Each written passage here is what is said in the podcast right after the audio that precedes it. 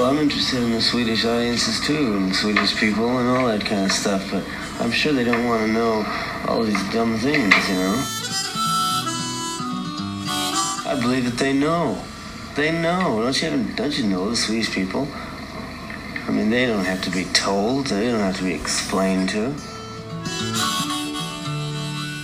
Ja, välkomna till Vi snackar Dylan och här sitter jag med eh, Nathan Glasser Skog, a.k.a. also known as Deepak, the musician. Kul att ha dig här, Nathan. Fantastiskt att vara här. Ja. Jag tänkte på vägen hit att uh, det är verkligen uh, himmelriket att kunna sitta och snacka Dylan. Det är, ja, liksom, ja, ja, det, är det bästa.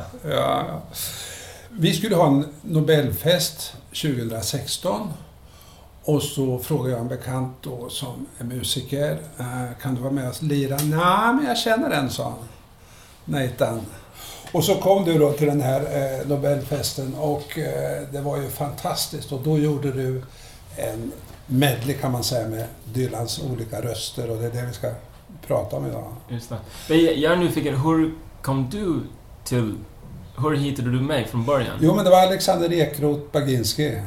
Ah. Som du brukar spela ihop. Så det var honom jag frågade. Okej, okay, som bor här på Ja, han bor precis i andra huset. Just det. Ja. Trevligt. Så, men, men då kommer du alltså... Ja, jag är uppvuxen uh, i USA. Jag kommer från Connecticut och... Uh, ja, mina föräldrar hade några skivor, några vinyl uh, och, och sen CD-skivor. Liksom tapes och sen kassettapes och CD-skivor med Dylan. Så jag växte upp de, de är lite äldre, mina föräldrar. Jag är yngst av fyra okay. Min äh, äldsta bror 13 år äldre än mig. Han är konstnär okay. bor, och, och, musiker som bor i Paris. Och äh, så de, de, var lite mer beatnik-generation. Ah, ja. äh, och vi hade, förutom Dylan var det ah, folk, eh, folkmusik, Pete Seeger, John Baez, eh, men även eh, liksom indisk musik, Ravi Shankar var populär där och, och sen klassisk musik. Så jag, jag växte upp med typ de genrerna kan man säga. Och sen, så han var alltid i bakgrunden och jag har starka minnen från när jag var liten när vi åkte in till New York för att uh, träffa min släkt. Mina föräldrar kommer båda från uh, New York City.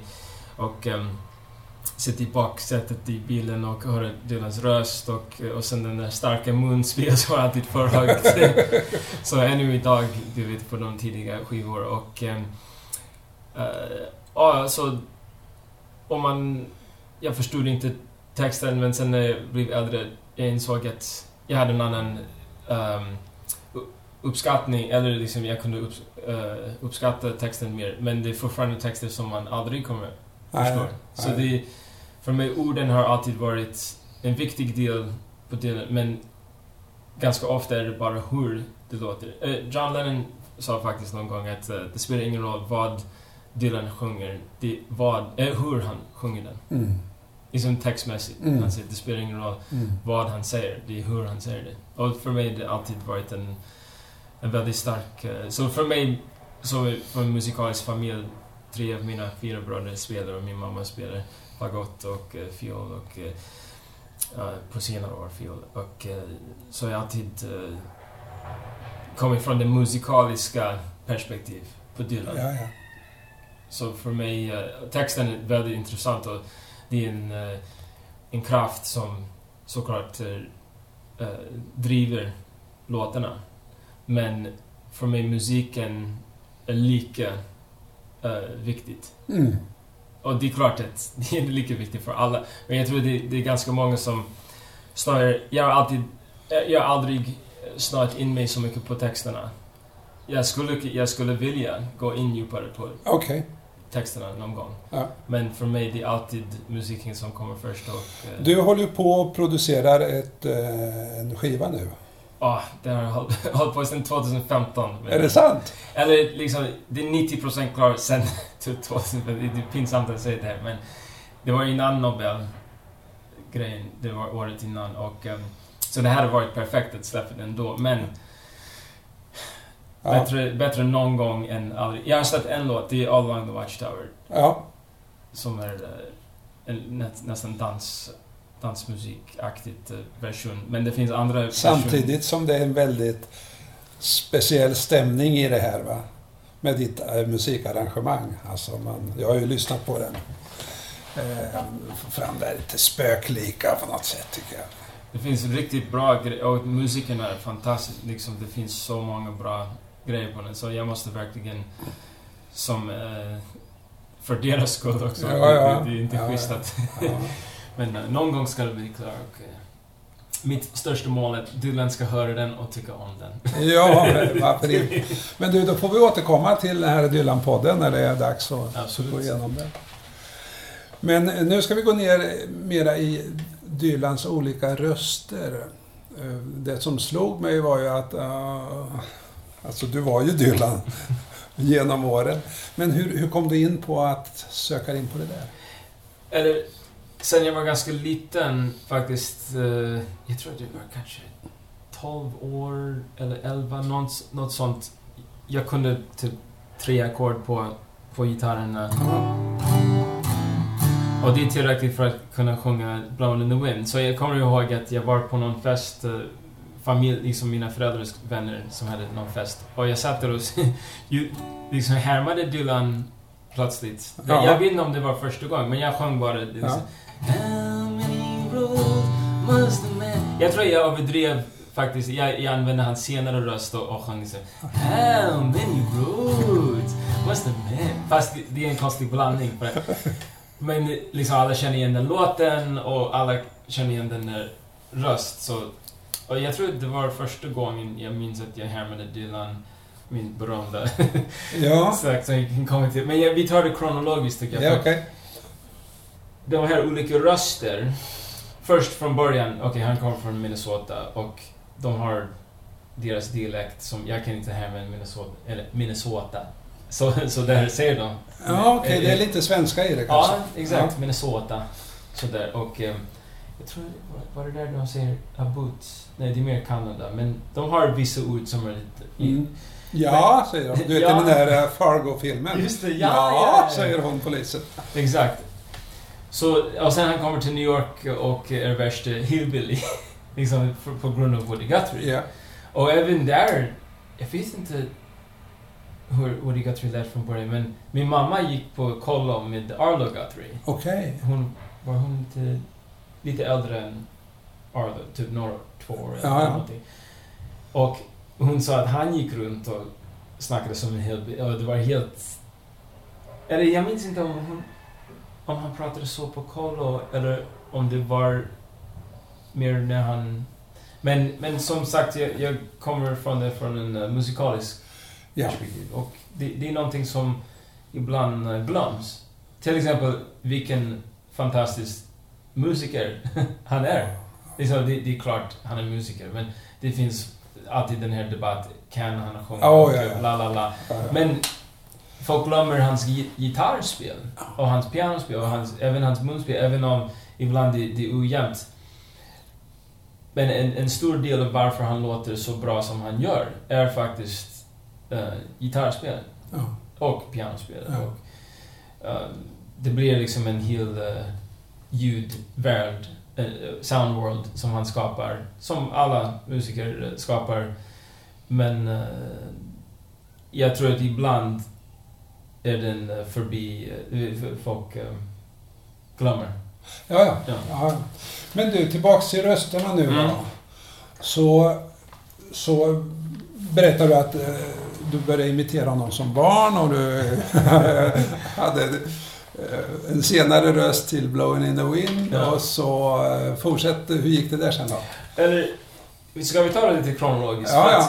Jag, kom på att eh, i min liten uh, stick, Ja. för Dylan stick, Ja, ja. att um, jag börjar från eh, andra plattan, uh, Free Willin' Bob för att det är hans mest kända för.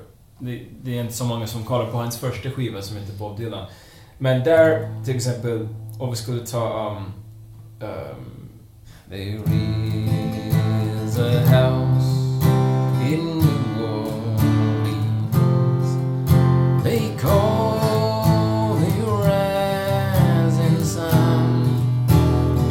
komma in på det. It's,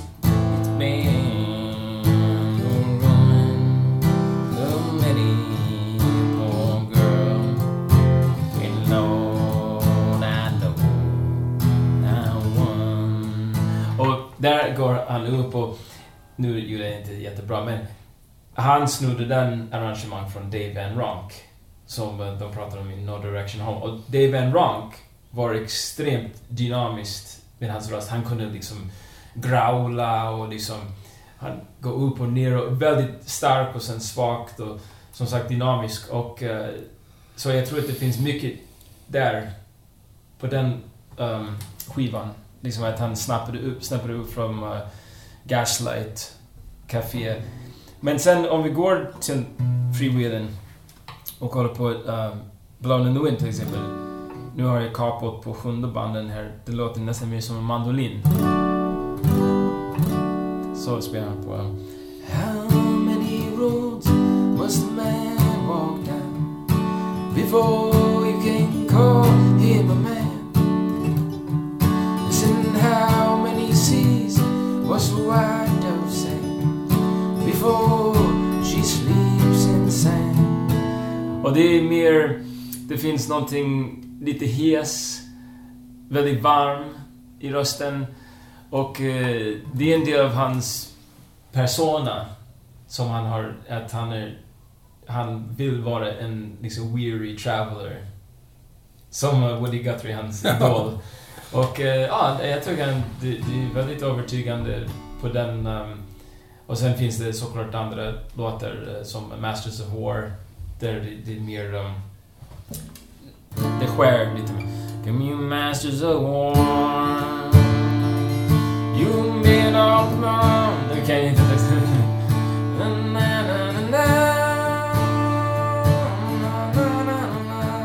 Och det är superfolk. Ah, och de flesta av de här låtarna är faktiskt irländska låtar som man har gjort om. Och på den tiden, och när det gäller folkmusik ännu idag, det, det är inte... Okej, det finns alltid en gräns vad är... ehm, vad är ett uh, snu och vad är låna. Mm. Och i de flesta fallen, jag tycker att han lånar. För att de här låtarna har också lånat, så liksom allting kommer från nå- någonting. Som du vet som konstnär. Ja, ja. Och Absolut. det, i No Direction Hall finns det, det berömda citat um, var det Picasso som sa att uh, good artists borrow, great artists steal. så är det, okej, det, det är också en, en rolig citat men... uh, och sen Dylan har hamnat i, tror jag, ganska många gånger faktiskt att, att ta saker lite för direkt. Men han också gör dem bättre. Han, han tar någonting och förbättrar den. Liksom. Mm. Det, det, så har man alltid gjort. Så. Men innan jag går vidare, det, det är någonting det här med reinventing. Mm. Att, eh, och jag tror att det här är en, stil, eh, en del av eh, Dylans geni. Att, att han har aldrig spelat en låt på samma sätt två gånger. Och även de gamla låtarna, vi tror att de är huggna i sten, Mm. en skulptur. Men det var bara en performance. Ja. För sen om man går in på YouTube och, eller kollar på bootlegs, att han har sjungit Blown in the Wind tusen olika, på tusen olika sätt. Kanske subtila ändringar, men fortfarande. Och när, ännu idag gör han gör om låtarna. Och om man kollar på artister, tänk på alla kända artister som finns. Vem mer kan man tänka på som, som gör det? Nej, Det är ingen. Nej, nej. För, Ingen känd. nej, det är som att publiken kräver det ska vara som originalet och, och han struntar i det. Ja. För att annars skulle han ju aldrig ha orkat turnera så mycket, eller hur? Exakt, det, det är en slags... Det ger honom en energi. För att det, alltid, det blir alltid spontant. Mm. Och jag tror det, det... Någon gång, jag undrar när han bestämde sig för att eh, göra det, för att det verkar så långt bak. Jag tror att det, min teori är, är så här att det, det kommer från folkmusik. För folkmusik, man ska aldrig... eh, Det ska alltid finnas en element av improvisation. Mhm. Liksom irländsk folkmusik. Ja. Man ska... Man ska aldrig spela... Exa, liksom det, det- måste ha variationer. Samma med barockmusik. Att det, det ska vara ornament och små grejer som man gör så att det... ehm, på tidigt 1900-talet i Chicago fanns det en eh, polischef som, från Irland och mycket av the police force i Chicago var irländsk. Och varje gång det kom en ny eh, invandrare Ja, från Irland som spelade musik. Polischefen var väldigt eh, intresserad av folkmusik så han, han kallade in dem. Och han hade en sekreterare som vems jobb var att, eh, förutom det vanliga, var att de skulle bjuda in en folkmusiker till poliskontoret där i Chicago. Och de skulle spela sin folkmusik och han skulle, den här sekreteraren Ah. skrev ner den. Och det finns en samling, två samlingar som heter O'Neills eh, Irish Tunes. Och sen finns en som heter O'Neills Irish Tunes for Dance, dance Tunes. Och, men sekreteraren blev alltid väldigt frustrerad att det är ingen som spelar samma låt på samma sätt två gånger. Så han ville höra den igen. Och, men vänta, du spelade, och han spelade den på den sättet. Så folkmusik, jag tror det kom från den. Och sen, jag vet inte hur mycket Dylan lyssnade på jazz från början. Jag tror inte så mycket. Men jag vet att han ble, blev eh, eh, fantast och... Eh, så Det kommer ju in senare i till exempel Murder Most Foul så han citerar om... han ju olika jazzmusiker. Ja. Okej, ska vi backa ner till hans, hans röster nu då? Ja. eh, om vi hoppar... Man skulle kunna liksom gå, gå ner på... Um, det där är nästan som när universum um, efter Big Bang, allting gick väldigt fort. Ja, ja. Liksom, eh, och 60-talet, det är så mycket som händer under 60-talet. Um, nu har jag inte... Johnny's in the basement, fixing up the medicine. I'm on the pavement, thinking about the judgment.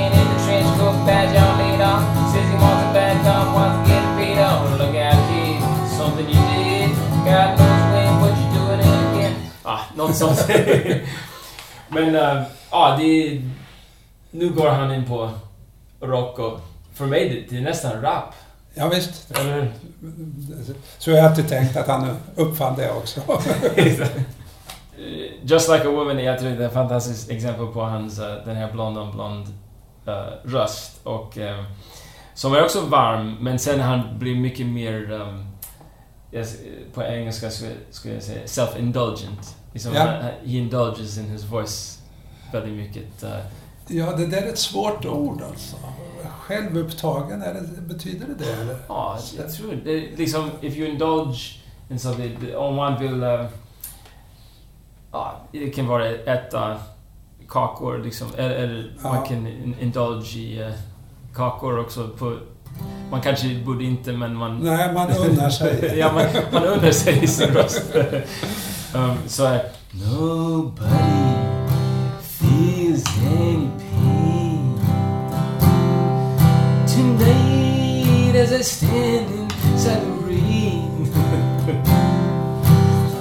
Everybody knows that baby's got new clothes, but lately I've seen her ribbons and her bows have fallen from her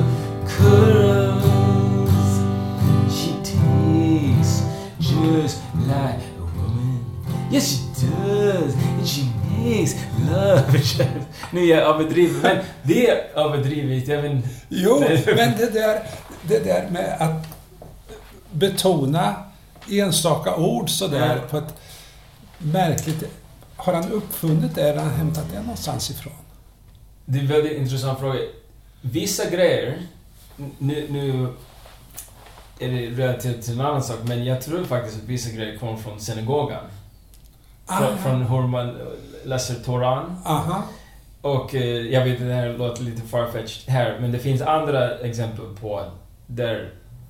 Till exempel eh, vissa låtar där han förlänger varje vers lite mer och mer. Liksom Hey Mr Tambourine Man. Ja.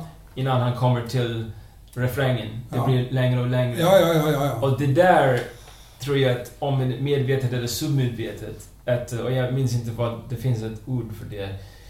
Men eh, att det, det där skulle kunna komma från uh, Toran. För att Toran, liksom Gamla Testamentet och judiska bibeln, det, det är uh, osymmetriskt. ja.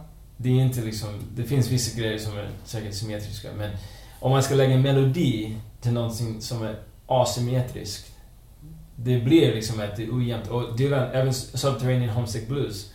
Det låter som en 12-takt blues eller 16-takt blues, men i vissa verser är det en 17,5 takt blues. Liksom han byter. Bandet måste vara så förberedd att byta ackord på rätt ställe. Man måste bara... Och han säkert nickade med huvudet eller någonting för att visa. Men alla musiker kan, kan säga samma sak, eh, tror jag, om, om Dylan. Att, äh, fraseringen också är väldigt... Äh, ibland en låt som Hurricane klämmer in alla de Ja, ja, ja. Nej, men det är obegripligt Ja. hur det har lyckats. Ja, här, här är, är ju så många trådar. Så, men, men, men en sak utav det du sa tänkte jag, eh, det här med att han förlänger som i Mr Tambourine Man och, och, och så vidare. Alltså hans sätt att... Det är ju inte det musikaliska nästan, utan det är mer det poetiska tänker jag med, hur han, hur han strukturerar. Alltså att han, han, han är ju, på ett sätt har han ofta en väldigt strikt form. Mm. Han rimmar hela tiden till Mm. exempel. Men sen rimmar han lite snett. Mm. Och så, och, så, och så bryter han formen och så lägger han till en rad och så är det de här förändringarna i strukturen som... som, som eh, det är snyggt alltså, men så kan man tänka, är det det som gör att jag tycker det är så jäkla bra? Alltså för det har jag hela tiden funderat Vad är det som gör att jag tycker det är så jäkla bra? Ja. Okej, men Ja. ska vi inte backa till... Ja. Vi var inne på Blond on Blond nu och vad hände med hans röst efter det? Efter det, då hände det så här att... Uh, efter planen... Ja, just det! John Wesley Harding. Det har, vi, det har jag inte på min styck här, men jag kan bara visa lite... Första gången jag hörde John Wesley Harding, min bror Jonathan, som är fyra år äldre än mig, visade mig den i Connecticut. Där jag var hemma från eh, college och um, kanske på höstlov där. Och, um, och när jag hörde första spåret, liksom... Jag vet inte säga. John Wesley Harding was a friend to the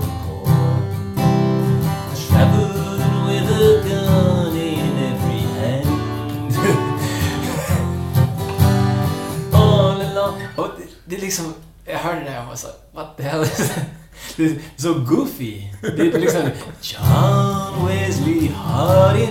Och musik... ah, Nej, jag tänkte det där är lite för goofy för mig tror jag. Och sen nästa spår kommer och det är liksom eh, den där eh, fantastiska um, As I went out one morning. Ja. Och...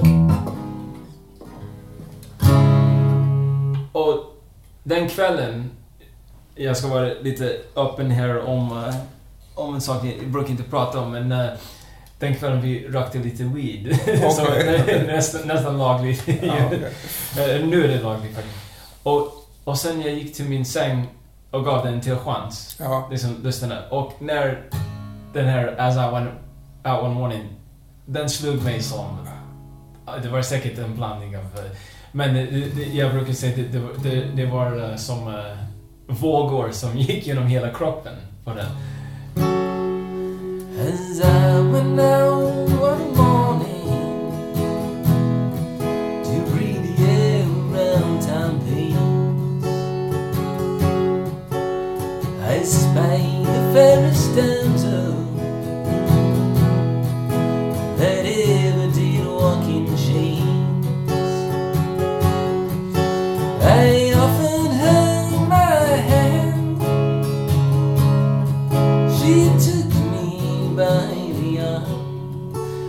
Det, det, var, det är så mystiskt Ja, låt. ja. Har du hört eh, bootleg-versionen som kom ut? Nej. Den är... Det är otroligt att kunna säga det här. Jag tror den är nästan bättre. Och han gjorde det i sextakt istället, så... Det um, As I went out one morning To breathe the air around town Pains Det är långsammare. Och när jag hörde den, jag tänkte, gud. Att han gick in och sa, vi ska testa det på det här sättet. Nej, vi, vi bytte taktart. Nej, okej. Där satt den. Nästa låt. Ja. Och det är så spon- Det är också en del av hans spontanitet att han går in... Bandet får oftast ingen ackordföljd. De har aldrig hört låten. Vi kör! Han, han förklarar inte ens vad det är. Han, de bara kör. Och även eh, på en konsert uh, med Grateful Dead till exempel. Där, och ibland blir det inte så bra på scen. Liksom. Man, man ska inte egentligen repa på scen. Men um, uh, Scarlett Rivera på, uh, på Desire, hon, hon pratade om att uh, det finns ett riktigt bra um, klipp på henne på Youtube där hon pratar om den där session. Um, att det var också, de hade inte hört låtarna och uh, det var massa folk i rummet och sen kaos och sen senare, det var bara en kvartett. Hon och Dylan, trummisen och basisten. Och hon trodde att det var någon rep. Ja. Och det blev skivan. Han, han träffade henne på stan, eller hur? Ja. Och såg någon dam som gick med fiolfodral. Spelade fiol, häng med här, vi ska spela in. Ja, vilken grej. Så eh, efter John Wesley Harding, då, jag tror det var um, då han hade hans uh, motorcykelolycka. Eller var det efter uh, Bland and Bland? Det kanske var efter Bland and Bland. Och sen han gick upp och isolerade sig i um, Woodstock, New York. Och um, sen han gjorde John Wesley Harding och sen uh, Nashville Skyline.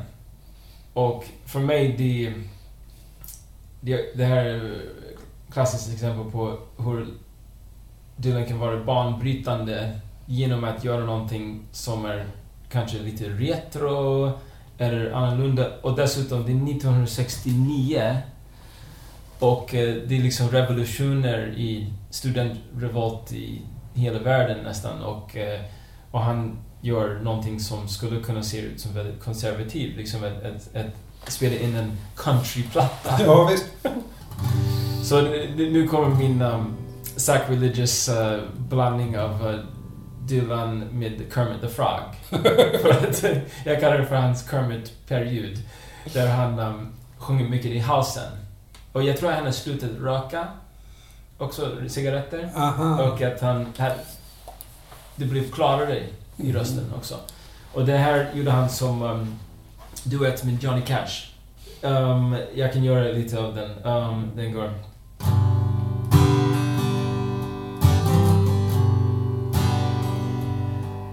traveling to the North Country Fair Nu överdriver jag. Och jag brukar lägga in uh, uh, Miss Piggy där så Oh Kirby!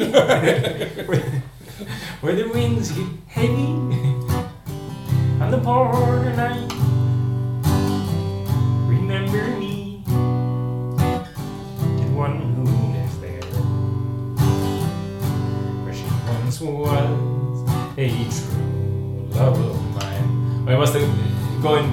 Johnny lite.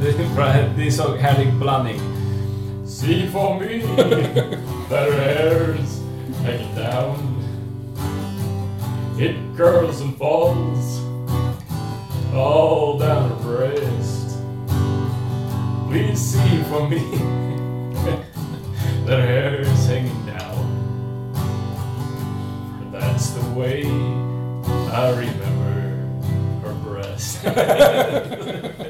Jag tänkte alltid att breast och best, det, det är lite nödrim. Tänk om han bara rimmade breast med breast. uh, hur som helst. Uh, sen jag brukar hoppa fram ganska mycket till... Det är tio år. Det är inte riktigt schysst att, att göra det, men jag vet inte om jag kan ge så mycket mer från... Eller egentligen, Blood on the Tracks. Jag kan ta lite av Tangled Up in Blue, bara. Det är... Early one morning the sun was shining. I was laying in bed Was wondering if she changed at all If her hair still was red. Her had said our lives together so was it gonna be rough? Never did like mama's homemade dress Papa's bankbook was big enough.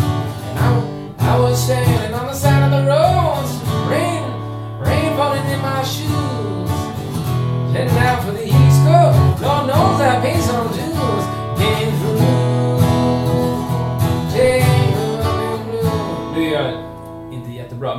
där har du att det börjar med sång och sen blir det nästan prat och sen tillbaka till sång.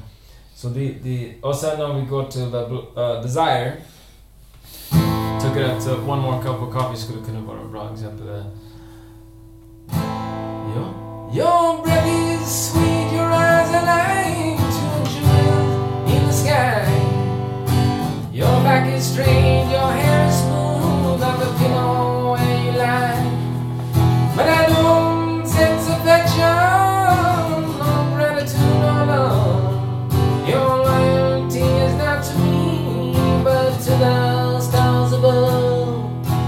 One more cup of coffee for the road. One more cup of coffee before I go to the valley below. Jag om to toss kind of Sarah, um,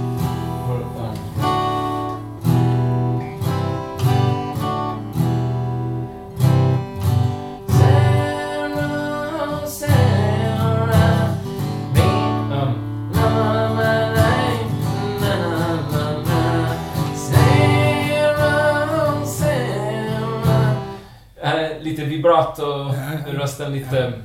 Och väldigt nasalt. Han har alltid varit mer eller mindre nasalt, men... Ja, det... är- Jag skulle säga han bältar väldigt mycket. Bältar. det är Vad liksom- betyder det? det är när man uh, sjunger väldigt stark och... ehm, ja, på något sätt lite platt. Fast där har han faktiskt vibrato. Jag vet inte hur jag kan beskriva det mer, men... Um, Soul-sångare ibland kan bälta, liksom. Ah, okej. sjunger starkt och musikal... I musikaler då man använder bält ganska mycket, bälta. Um, den skivan förresten tycker jag att folk ger för lite cred till Jacques Levy. Men den låten, Sarah, och One More Cup, det är bara Dylan på uh, credits. Men de andra låtar av uh, Jacques Levy, um, teater, eller liksom... Um, vad säger man? Um, de som skriver pjäser. Uh, Ja, dramatiker. dramatiker. Mm. Att han, han hjälpte Dylan forma de här låtarna. Så det, det är därför alla låtar är väldigt, uh, berättar en berättelse Mm. väldigt bra. Mm. Uh, Hurricane och um, alla de där. Men uh, sen kommer man till, om vi hoppar fram till uh, nästan 80-talet här. Jag brukar ta uh, Serve Somebody som Okej. en uh, exempel på. Och nu är han inne på um, kristen uh, period.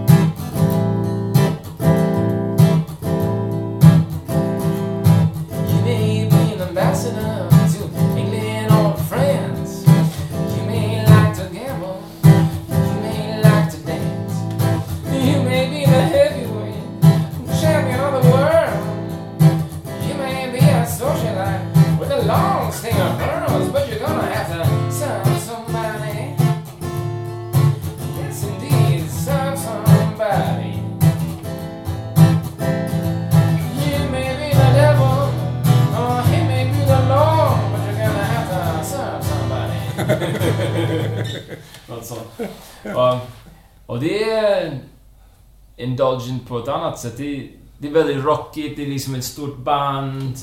Och Dylan har alltid använt det som han har. Han är väldigt ekonomisk, kan man säga ekonomisk Ja, ja. Att- Och han vet sina begränsningar. Ja. Och det är väldigt viktigt när man ska göra konst. Eller hur? Att det var någon intervju på senare år där han sa jag skulle vilja köra en bil i 300 km i timmen och liksom en racecar och eh, jag skulle vilja slå en baseball i 100, 100 miles an hour eller någonting. Men eh, jag vet att jag inte kan. Så Ja. vad kan jag göra? Jag gör det vad jag kan göra så bra jag kan. Något sånt. Och sen är han lite inne på den här... Det är fortfarande nasalt, det är lite som 60-tal, men det här 80-talsröst. Och sen, sen blir han ännu mer indulgent. Den här, vad jag kallar för one, uh, one note uh, melody. Olika oktaver. Ja, ja, ja. Den, eh, så, så när han gör då Mr Tambourine Man, eh, som... uh, He, Mr Tambourine Man, play a song for me. I'm not sleepy and there is no place I'm going to. He, Mr Tambourine Man, play a song for me. In that jingle jangle morning I go you. Och det var faktiskt uh, någonting som... Nu har han gjort det ännu mer medvetet, liksom en Murder Most Foul som vi Ja, ja. tittar på sen.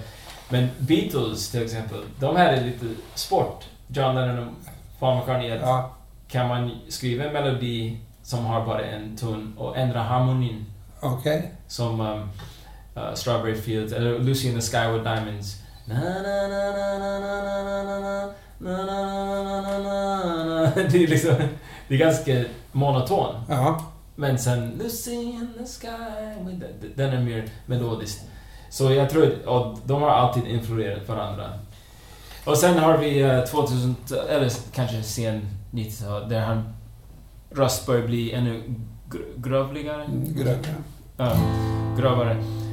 Till exempel, eh, jag brukar ta All Along the Watchtower, så här.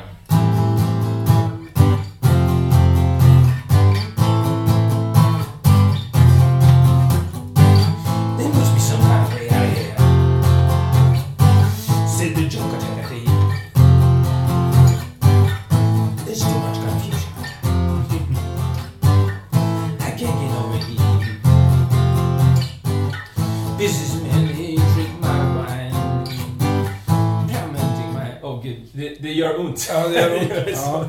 Ja. jag, se, jag har begränsningar. Men det är otroligt när man hör den rösten och så tänker man den är söndersjungen. Och så gör han ytterligare något nytt efter det. Exakt. På, för jag tror vi var eh, båda på um, Waterfront-spelningen Ja. för tre år sedan. Ja. Och jag blev chockerad av att han kunde sjunga så smooth, ren. Ja. Och eh, det var den här Sinatra-period. ja. Och jag hade inte riktigt lyssnat på plattorna, men det var då jag tänkte Gud, han, är, han har alltid varit i kontroll över allting han gör. ja. Men han har valt olika... Och sen nu, senaste jag såg honom förra året, för sommaren, på Globen, och då var det en blandning. Och det var lite det som jag förväntade mig att hans nya grej skulle vara att ibland använder den rösten, ibland den här mer Tom Waits ja. grej. Så, um, men om vi tar lite Sinatra. Um, jag insåg att jag brukar luta på bandet när jag spelar med bandet. De ska kunna spela de här jazziga ackorden. Jag kan inte ackorden. Men det, det här The Night We Called It A Day. There was a moon out in space But a cloud drifted over its face You kissed me and went on your way. The night we called it a day. Och sen eh, när vi kommer på um, senaste plattan Murder Most Foul. Greatest magic trick ever under the sun. Perfectly executed, skillfully done Wolfman, oh Wolfman, oh Wolfman, how Rub-a-dub-dub, it's murder most foul Något, något sånt. Där han, det, men där, liksom, nu har han... Och det, återigen det här med begränsningar och veta vem han är. Mm. Han är en gammal man. Mm. Han är 79 Nio. år. Och... Ah, Vadå, ska han, på, ska han låsa sig? Han är 20 år. Det, det skulle vara patetiskt. Men här, det, det är som han är en gammal, han gammal mästare. Han, han sitter och sjunger i 17 minuter på en ton, mer eller mindre.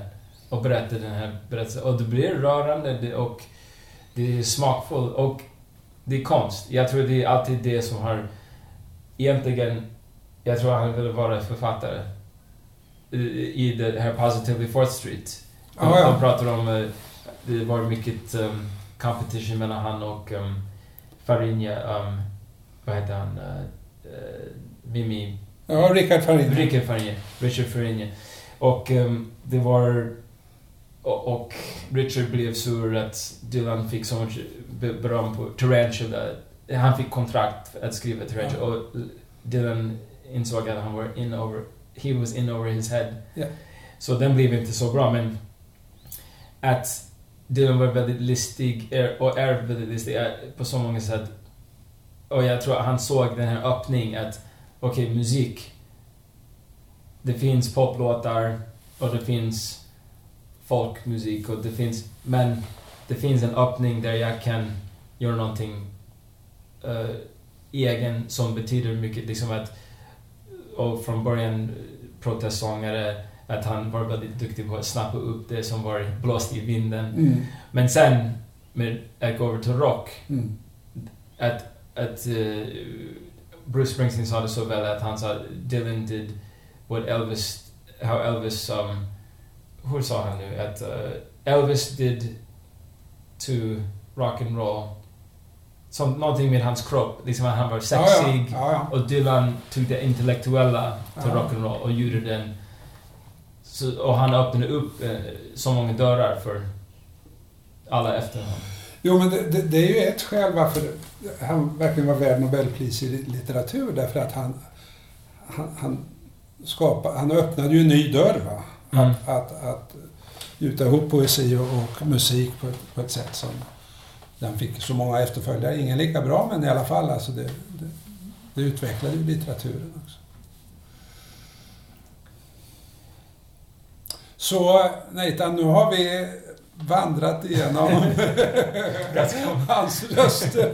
Det är helt fantastiskt att höra hur du med lätthet flyttar dig mellan de här eh, epokerna. Alltså, för det är också någonting, Dylan, tänker jag, som, som tror jag appellerar till många som är så mångsidiga som I contain multitudes. Ja. Alltså att, att han inspirerar, inspirerar dig att vara många. För det finns någonting i psykologin så fanns det framförallt tidigare ett ideal att man ska vara sig själv. Mm. Alltså att det fanns en inre äkta kärna och du ska komma bort bakom alla dessa masker och hitta din inre sanna kärna. Och det där är ju ett väldigt, eh, vad ska man säga, eh, attraktivt narrativ på ett sätt. Va? Men å andra sidan, då känner man sig falsk som ändrar sig hela tiden. Och Dylan, I'm not there. Mm. Han har hela tiden masker, men, men det finns ju hela tiden någonting som är han. Alltså det, det, det, det, är ju det. John Baez sa någon gång, jag tror att det här, jag såg det på YouTube, jag tror att det under um, 75, uh, Ja. vad heter det, uh, Rolling Thunder. Ja, När hon presenterar honom, uh, jag tror hon sjunger Diamonds and Rust. Det är kanske som intro på den eller när hon presenterar honom, men i, i vilket fall, hon säger This is, uh, Bob Dylan is the most uh, complex person I know. ja. And I'm gonna introduce him. Or, or. Och hon har sagt det också i Scorsese-dokumentären. Och... Okej. Egentligen är alla lika komplexa, tror jag. Inuti. Liksom, det, det är ingen som säger... Det är väldigt få personer som tänker, säger och gör samma sak. Som, förstår du? Att det finns Ja, en, en Ja. rak... Om man gör det... Jag vet inte. det, det, det, det är väldigt märkligt. Men Um, Dylan, jag tror att han insåg det väldigt tidigt. Han kanske var influerad av östtyska religioner, jag vet inte. Men jag tror att han, och han säger också i No Direction Home, he made a pact. You know, and then I remember, eh, jag kommer ihåg intervjuaren säger, med vem? och han pekar upp säger, med nummer ett. Ja, ja. Han var ju bara säker, Ja, det var ja. inte djävulen. Jag har ju ett citat i huvudet och jag vet inte vem som har sagt det, men det heter det är så här, I make a pact with you, Walt Whitman. Okej. Och jag vet inte om det är Dylan som har sagt det. Men i alla Skulle fall, är, det. Whitman kommer ju tillbaks i den här I contain multitudes, Ja. som är ett citat från honom. Så han har... Att inse att alla är komplexa. Ja. Jag tror att han har använt det kanske som drivmedel. Och um, eh, den här metod... För jag tror det är också metod att reinvent Ja. och hitta på andra röster och aldrig göra samma låt på samma sätt. Det är väldigt ekonomiskt, för att tiden är så kort egentligen. Ja. Även om han har levt väldigt länge och haft en väldigt lång och framgångsrik karriär, det är alltid döden ligger runt hörnet, liksom, skulle kunna. Som- Du nämnde ju Picasso, ett Picasso-citat tidigare då. Och, och eh, som konstnär är han ju rätt så lik Picasso. För Picasso är ju en utav de få som, han gör inte en grej utan han återuppfinner sig själv hela tiden och byter stil. Eh, så han tröttnar inte, va? ända upp i ålderdomen. Och, och det här med att se saker och ting från olika håll samtidigt, att byta perspektiv, det är ju också typiskt Dylan. Har olika perioder, Picasso. Ja, ja. Och extremt prolif prolifisk. Liksom, Extremt. Både, extremt. Liksom båda två är... Och jag tror lite av det kommer säkert från Picasso, att han var influerad av honom. Men Woody Guthrie, jag tror att eh, Woody Guthrie sa att man måste skriva en låt per dag. och han gjorde det också. Han, han, i, även när han låg i sj- sjukhuset i 14 år, han hade så många... Det, det, hans dotter eller barnbarn, jag minns Nora Guthrie, hon, hon har den här stiftelsen där man kan uh, ansöka Ah, ja. att uh, tonsätta Jag har, jag har skrivit till henne och försökt Wow. få tag i... Du, eh, Vi måste- det är dags att runda ja. av det. Men det är så många trådar i detta för du kom in på Arnold Guthrie som din mamma gick på förskolan var det så eller? Ja, och, och en av... Hon som kom och vi firade Pesach Pass, Ja. Passover med var eh, en av Dylans gamla flickvänner. Vi pratar inte om Dylan med henne, men Gretel Pelto. Okej. Eh, bara, bara en sista Ja. sak jag slutar med.